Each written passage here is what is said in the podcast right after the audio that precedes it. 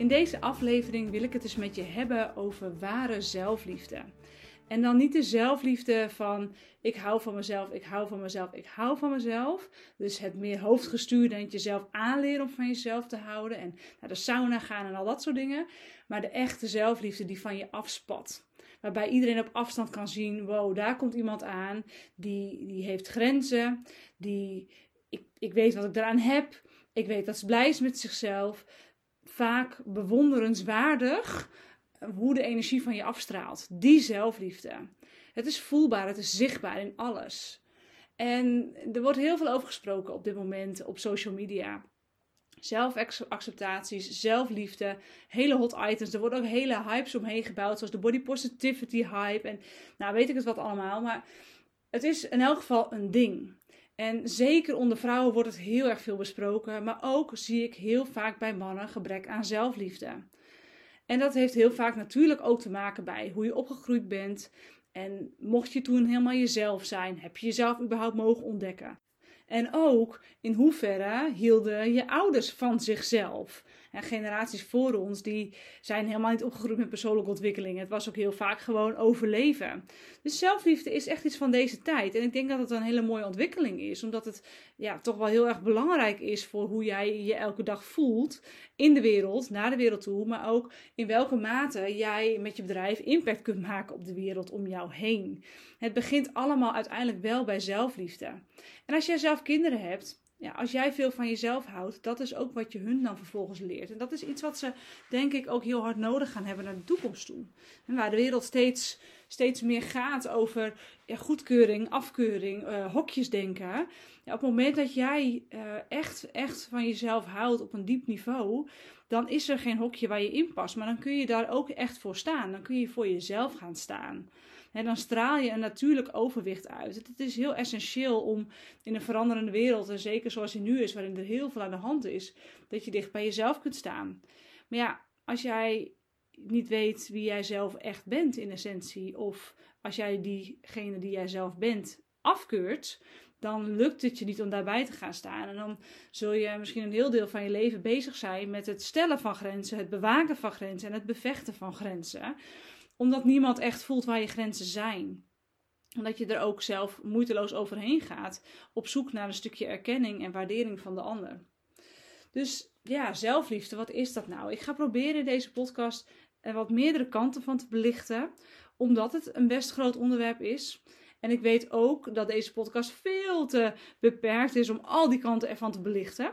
Maar ik wil je helpen om in, het, eh, in de relatie met je gezondheid te gaan snappen dat zelfliefde iets is wat dynamisch ontwikkeld mag worden, maar ook essentieel is om die optimale gezondheid te gaan bereiken. Goed, wat ik vaak zie is dat als ik aan iemand vraag: hou jij van jezelf? Dat er altijd wel iets gezegd wordt van ja, ik ben blij met mezelf. Ja, ik kan wel zeggen dat ik van mezelf hou. En dan zie je een beetje zelfreflectie in die ogen. En dan kijken ze soort van even naar, naar binnen. En dan denken ze van ja, nee, ik ben eigenlijk ook wel heel trots op mezelf. En ja, ja. En dan toch gaandeweg het proces, dan, dan komen we dingen tegen waaruit anders blijkt. ik zal een voorbeeld geven. Waarbij we in een proces bijvoorbeeld op een gegeven moment tegenkomen dat ehm, ja, iemand in beweging mag. Omdat het moment daar is gekomen dat het lichaam heel veel ballast heeft losgelaten. En dat er uh, nou, bijvoorbeeld of iets van krachttraining. Of ik heb onlangs een klant die is, uh, is heel veel gaan fietsen. En die voelde daar helemaal een klik mee. Om iets te gaan doen om in beweging te komen. Nou, dat advies geef ik vaak ergens op een punt in dat proces. En dan komt de weerstand dan komt de weerstand. De weerstand die is er altijd. daar, daar, hoef ik geen doekjes omheen te winden. Er is altijd weerstand als het aankomt op uh, in beweging komen. Zeker als jij al heel lang niet echt hebt gesport. Of zelfs ook negatieve ervaringen hebt. Doordat je jezelf bijvoorbeeld overtraind hebt of doorgeslagen bent in sporten. Er is altijd een vorm van weerstand.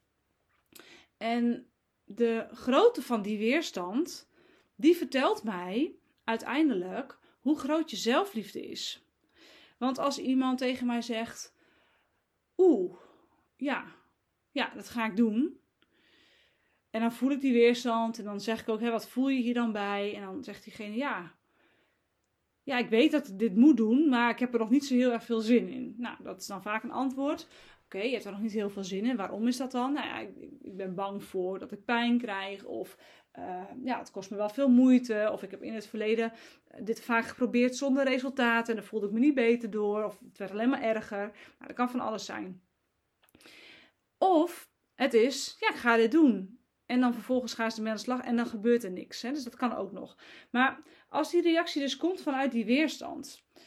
Als ik langer dan nou, als ik meer dan twee vragen moet stellen om die weerstand te doorbreken, dan weet ik, hier zit iets onder. Dus ik kan natuurlijk de vraag stellen, hè, als iemand weerstand heeft van, ja, jeetje, nou, ik heb het al zo druk, ik weet niet waar ik de tijd vandaan moet halen. Oké, ehm, dan kan ik de vraag stellen, dan kan ik coachen op, waar kun je tijd vrijmaken, zodat je prioriteit kunt geven aan sport. Dus wat is op dit moment iets minder belangrijk voor je dan bewegen? En als dan gedacht wordt, ja, je hebt eigenlijk uh, simpelweg gelijk. Ik kan dit wel schrappen en ik ga zorgen dat ik uh, twee keer per week een uurtje ga sporten. Nou, dan is het opgelost en klaar. En dan weet ik, oké, het zit wel oké met die zelfliefde. Daar zit wel een beweging achter. Maar als ik dan merk dat er nog meer weerstand komt en nog meer weerstand komt en nog meer weerstand komt, dan ga ik het niet meer hebben over die weerstand zelf. Dan ga ik het hebben over, oké, waarom is die weerstand er? Waarom is er op dit moment in jou zoveel aan stemmen dat je niet naar een oplossing wil kijken om dit te implementeren. En dan, dan weet je ook gewoon dat diegene zo'n berg voor zich ziet. Ehm, en dat er heel vaak faalangst bijvoorbeeld meespeelt. Maar ook gewoon ja, dat, je, dat je voelt van ik vind het gewoon niet belangrijk genoeg. Omdat je jezelf niet belangrijk genoeg vindt. Dat is gewoon een praktisch voorbeeld waarop een gebrek aan zelfliefde tot uiting komt. Maar zoals je misschien weet, coach ik in mijn uh, traject Ultimate Tempo niet alleen maar op het lichaam en op gezondheid. En ik ben zeker geen sportcoach. Maar, uh, en ik ben ook zeker niet alleen maar uh, met bezig met voeding. En je moet beter gaan eten. Want mijn klanten zijn vaak ook al echt goed aan het eten als ze bij me komen. Dat, dat, dat loopt wel. Maar het kan ook zich heel erg goed uiten op andere levensgebieden. Bijvoorbeeld bedrijf. Ik heb ook een klant die heeft moeite om stroom in haar bedrijf te krijgen, omdat daar zelfliefde-issues zitten. Dat ze niet achter haar eigen waarde kan staan. En dan krijg je op een gegeven moment het verhaal dat die, dat, dat bedrijf niet lekker stroomt, dat je jezelf daarbij uh, ja, veroordeelt en in zo'n vicieuze cirkel komt, waarbij je jezelf ook nog inderdaad aanpraat, self-fulfilling prophecy, dat uh, ja, je inderdaad niet van waarde bent voor andere mensen. En dat is allemaal zelfliefde wat daar dus achter steekt. Nou, ik zie dat heel veel van die problemen op businessgebied, op relatiegebied, op gezondheidsgebied stoelen op een gebrek aan zelfliefde. En dat is best wel een ding. Dat is best een groot ding. En dat los je niet op door even tegen jezelf tien keer in de spiegel te zeggen: Ik hou van jou, ik hou van jou, ik hou van jou. Net zolang dat je het gaat geloven. Want ik denk dat je brein het misschien ergens wel een keertje gaat geloven. Uh, maar je onderbewuste brein niet. Dus je bewuste brein gaat het misschien geloven en die gaat het een soort van riedeltje maken. Maar je onderbewuste brein, dat is echt 80% van, van ons hele uh, bewustzijn. Uh, dat, dat gaat dat niet geloven en dus ga je het ook niet voelen. En dan blijf je een leegte houden dan blijf je een soort van inconsistentie voelen tussen ik zeg het elke keer tegen mezelf en ja, weet je, ik, ik glimlach naar de buitenwereld, maar van binnen huil ik. Van binnen voel ik een leegte. En wat er dan gebeurt als je daar niet bewust van bent, want dat is, hè, je denkt van ik, ik hou heel veel van mezelf, maar als van binnen die leegte er toch is, en dat is heel subtiel, maar dan ga je hem proberen op te vullen met factoren van buitenaf. Dus dan ga je op zoek naar externe dingen om die leegte in jou op te vullen. En dat kan dus zijn dat je uh, heel bewust uh, een, een, bedrijf aan het bouwen bent waarin je heel veel geld verdient, wat uh, fantastisch succesvol is, maar waarbij jij vervulling mist. Waarbij jij denkt aan het einde van de dag, nou, dat is allemaal leuk. Ik ga slapen en morgen weer een dag. En, oh, weet je, een beetje automatisch pilootidee. Ja, dat kan. Heel vaak zelfliefdegebrek. Niet jezelf meer dan dat gunnen. Maar veel te veel bezig zijn met geld en externe omstandigheden om jou ergens te voeden. Terwijl dat natuurlijk helemaal niet voedend is. Het zijn pleisters en het zijn het zijn vulmiddelen om een, een put zonder uh, ja, bodem op te vullen. Maar ook denk aan uh, bijvoorbeeld externe omstandigheden zoals erkenning zoeken van anderen. Dus dat kan best heel toxisch zijn dat je ja, niet alleen maar uh, ja, een vraag naar een compliment is nog tot daaraan toe, maar waarbij je echt binnen je relatie de hele boel kunt verstoren, omdat jij zo weinig van jezelf houdt, dat je dat constant van die ander wil hebben. En dan kan het dus ook onbewust zijn dat jij gaat trekken aan die ander. Dat jij gaat zuigen aan die ander. Dat jij heel hoge verwachtingen gaat krijgen binnen een relatie. Waarbij die, die, die balans tussen geven en ontvangen verstoord raakt in negatieve zin van het woord. En dat heb je vaak niet door. Want ja, als jij man of vrouw bent, maakt niet heel veel uit. We kennen allemaal mensen die veel eisend zijn in relaties. En dan niet in de positieve zin van het woord, want ik denk dat het heel goed is om hoge standaarden te hebben, maar dat is wat anders dan veel eisend zijn. Die, die, die, ja, dat is best toxisch. En als jij ehm, ja, dat niet van jezelf herkent, maar je hebt wel relatieproblemen, dan is het misschien best goed om eens te kijken of jij of je partner, of misschien jullie allebei, een gebrek aan zelfliefde hebben. Ze zeggen wel eens in relaties bijvoorbeeld van ja, oh jij maakt mij compleet. Ja, dan vult iemand dus een gat in jou op, wat je zelf op te vullen hebt. Niemand maakt jou compleet, want je bent al compleet en samen ben je samen en gelijkwaardig. En krijg je een soort van opwaartse beweging. Als je allebei van jezelf houdt en de ander niet nodig hebt om dat gat in je op te vullen. Het is echt een veelgemaakte fout in relaties. En dat is, ja, is het een fout? Ik noem het nu een fout, maar er zit ook weer oordeel op. Ik, ik vind het eigenlijk geen fout, maar ik denk dat het een onbewust patroon is wat in heel veel relaties uh, heel storend werkt. En waardoor je uiteindelijk nooit tot een, een diepere verbinding kunt komen die, die heel zuiver en voedend en helend is de relaties. En ik heb daar ook al eens eerder podcasts over opgenomen. Over mijn relatie bijvoorbeeld ook. Maar ook over relatieperikelen die ik dan bij klanten zie en ervaar. Het speelt altijd mee. Als ik klanten begeleid in Ultimate Temple, relaties, iedereen heeft die ervaring dat ze of in een toxische relatie hebben gezeten, ehm, of nu niet in een relatie zitten en niet zo goed weten wat ze willen. Dus heel erg zoekende zijn in, hé, hey, wie ben ik nou eigenlijk? En uh, ja, wat wil ik nu eigenlijk voordat je weer in een relatie kunt stappen? Of in een relatie zitten waarbij je als partner elkaar ontgroeid bent. Waarbij de een wel doorontwikkelt en de ander niet bijvoorbeeld. Of waarbij de een heel veel zelfliefde heeft, um, maar op een gegeven moment het geduld verliest om op de ander te wachten die niet in beweging komt. Ja, er kan heel veel spelen. Maar bij al mijn klanten is het ergens in het verhaal wel een keer uh, onderwerp van gesprek. En ik denk dat dat ook goed is en belangrijk is. Maar dat het altijd, de tegenvraag is die ik dan stel, hoe is jouw relatie met jezelf? Voordat je gaat kijken naar hoe is jouw relatie met de ander. En jouw relatie met jezelf is uiteindelijk waar het begint. Als jij zelf een gat in jou hebt zitten wat je wilt opvullen met een ander, of wilt opvullen met uh, waardering, erkenning van het ontvangen van veel geld, of door uh, dingen te eten die niet goed voor je zijn, maar die je jezelf dan gunt in het kader van zelfliefde. Ja, als dat een, een, een soort van um, ja, onwaarheid is van je ego, uh, dan, dan vul je jezelf dus op met um, externe omstandigheden die nooit dat gevoel van echte ware zelfliefde bij je gaan, gaan bereiken. Het gaat je nooit dat geven waar je nou echt naar verlangt. En dat gaat veel verder dan, dan zelfacceptatie. Het gaat veel meer over. Ik vind zelfacceptatie trouwens ook een, een, een raar woord zelfacceptatie, wat is dat nou eigenlijk? Dat je jezelf accepteert. Nou, ik mag toch hopen dat je wel wat meer doet dan alleen jezelf accepteren. Want ik vind dat als je zegt ik accepteer mezelf, dat je dus eigenlijk zegt, ja, ik vind mezelf eigenlijk niet leuk, maar ik accepteer mezelf. Ik heb nog nooit iemand horen zeggen, ik hou verschrikkelijk veel van mezelf. Ik accepteer mezelf. Dat, is, dat klopt niet. Het is veel vaker zo, ja, ik heb een aantal tekortkomingen, ik heb een aantal uh, gebreken, maar ik accepteer dat van mezelf. Ik accepteer mezelf daarin. Ja, ik vind dat niet heel positief. Dus ja, ik zou zeggen, stop daar maar mee. Maar eh, echt van jezelf houden gaat veel verder dan acceptatie. Dat gaat veel meer over echt en oprecht helemaal blij zijn met alles wat je hebt. En overal de positieve voordelen van zien.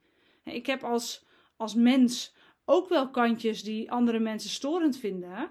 Maar ik zie ook in dat die kanten me op heel veel andere gebieden heel veel brengen. Dus ik hou van die kanten en ik vind een manier om in relaties die kanten van mezelf minder prominent aanwezig te laten zijn. En dan kan ik even een concreet voorbeeld noemen. ja, zo heb ik wel eens de neiging om uh, de boel graag onder controle te willen hebben.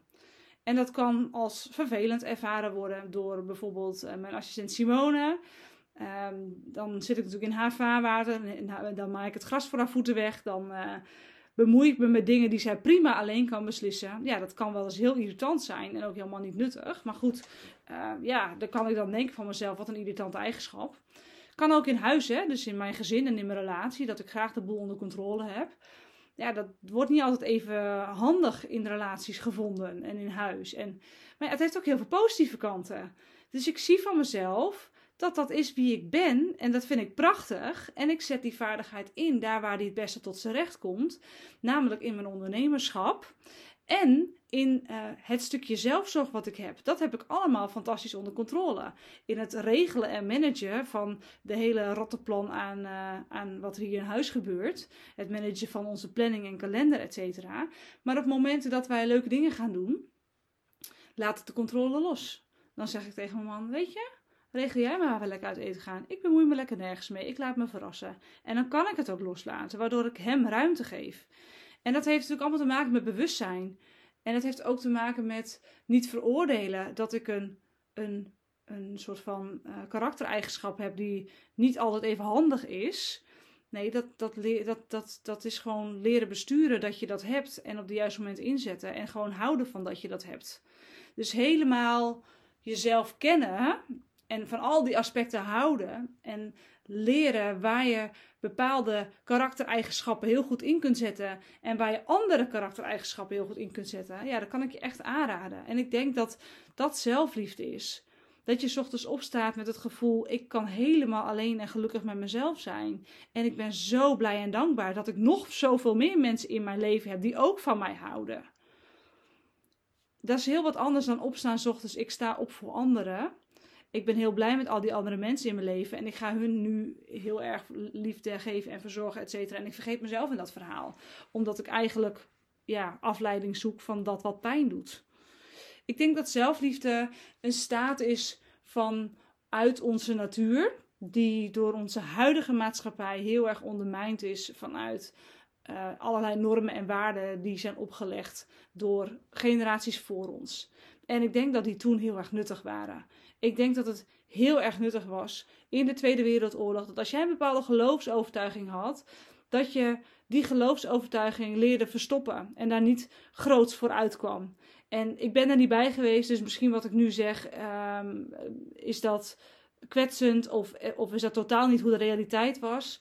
Maar ik kan me zomaar voorstellen dat het uh, in tijden dat je moest overleven heel functioneel was om van jezelf houden totaal niet aan de orde te laten zijn, omdat je veel meer bezig was met het redden van andere mensen. Ik heb onlangs nog een reading gedaan voor een klant, waarbij het een familiepatroon was dat um, ja, grenzen niet aanwezig waren, omdat er grenzeloos voor andere mensen werd gezorgd. En dat familiepatroon is overgegaan op de generaties verder. En dan is het op een gegeven moment tijd om te zeggen dat was toen nuttig. En heel goed dat uh, oma daartoe voor heeft gekozen. Want dat heeft haar toen ontzettend geholpen. En dat heeft heel veel andere mensen toen geholpen. En dat oma ook achter die keuzes kan staan, is natuurlijk prachtig. Maar het is ook goed om te zeggen dat was toen nuttig en nu niet meer. Ik denk dat nu zelfliefde super belangrijk is. In een tijd die ook veel donkerte met zich meebrengt en veel in hokjes stoppen en veel uh, dualiteit en polariteit met zich meebrengt, dat het heel nuttig is om te weten wie ben je, waar sta je voor, welke karaktereigenschappen heb je en hou daar allemaal maar van en weet het in te zetten op momenten dat het zo nodig zijn. Straal licht uit. En zelfliefde heeft een hele hoge frequentie. Houden van jezelf, liefde is sowieso de hoogste frequentie die er is. Uh, die kun je uiten door dankbaarheid bijvoorbeeld. Hè? Dus uh, liefde stroomt door dankbaarheid heen. Nou, op het moment dat je in die hele hoge frequentie zit, zit je in een hele helende energie. Als jij uh, in een hele helende energie zit, dan trek je geen rotzooi aan in voeding. Dan heb je geen behoefte aan suiker. Dan heb je geen behoefte aan rotzooi van de McDonald's of cola. Nou, als je in een hele hoge zelfliefdefrequentie zit, dan heb je behoefte aan lief zijn voor jezelf, luisteren naar je lichaam, um, groen eten, veel water drinken. Het zijn allemaal hele natuurlijke impulsen die kunnen bestaan op het moment dat jij in die helende energie van zelfliefde zit. Dus vraag jezelf maar eens af: hoe zit dat eigenlijk bij mij?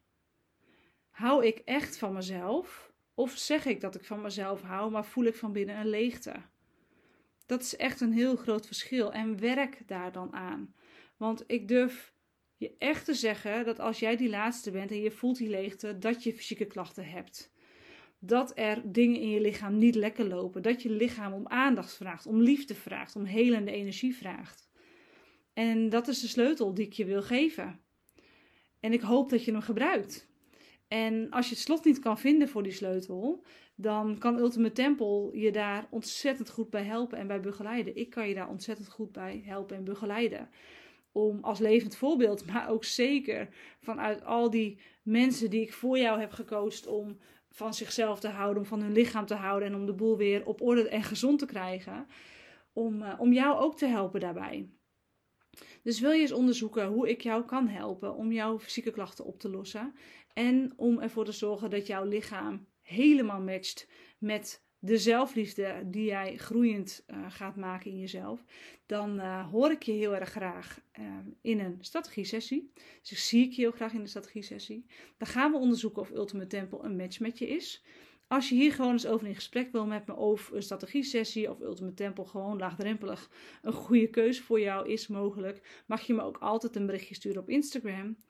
Uh, Regina Nieuwhoff vind je allemaal in de show notes de, de juiste linkjes die je daarvoor nodig hebt. En als allerlaatste wil ik je vragen om als deze podcast inspirerend voor je was, als je bent geraakt, om deze podcast te delen met anderen, om zo de liefde ook te verspreiden en om ook andere mensen aan te zetten en te helpen om zichzelf te blijven ontwikkelen op het gebied van houden van jezelf, houden van je lichaam. En met elkaar ook ervoor te zorgen dat de wereld elke dag ook een stuk lichter wordt. Deel het op, uh, op Instagram, LinkedIn of waar je ook maar actief bent. Superleuk als je mij dan ook tagt, dan kan ik uh, dat ook zien. Voor nu wil ik je een hele mooie ochtend, middag, avond, nacht wensen. En ik spreek je heel erg graag in een strategie sessie of in een volgende podcast. Doei!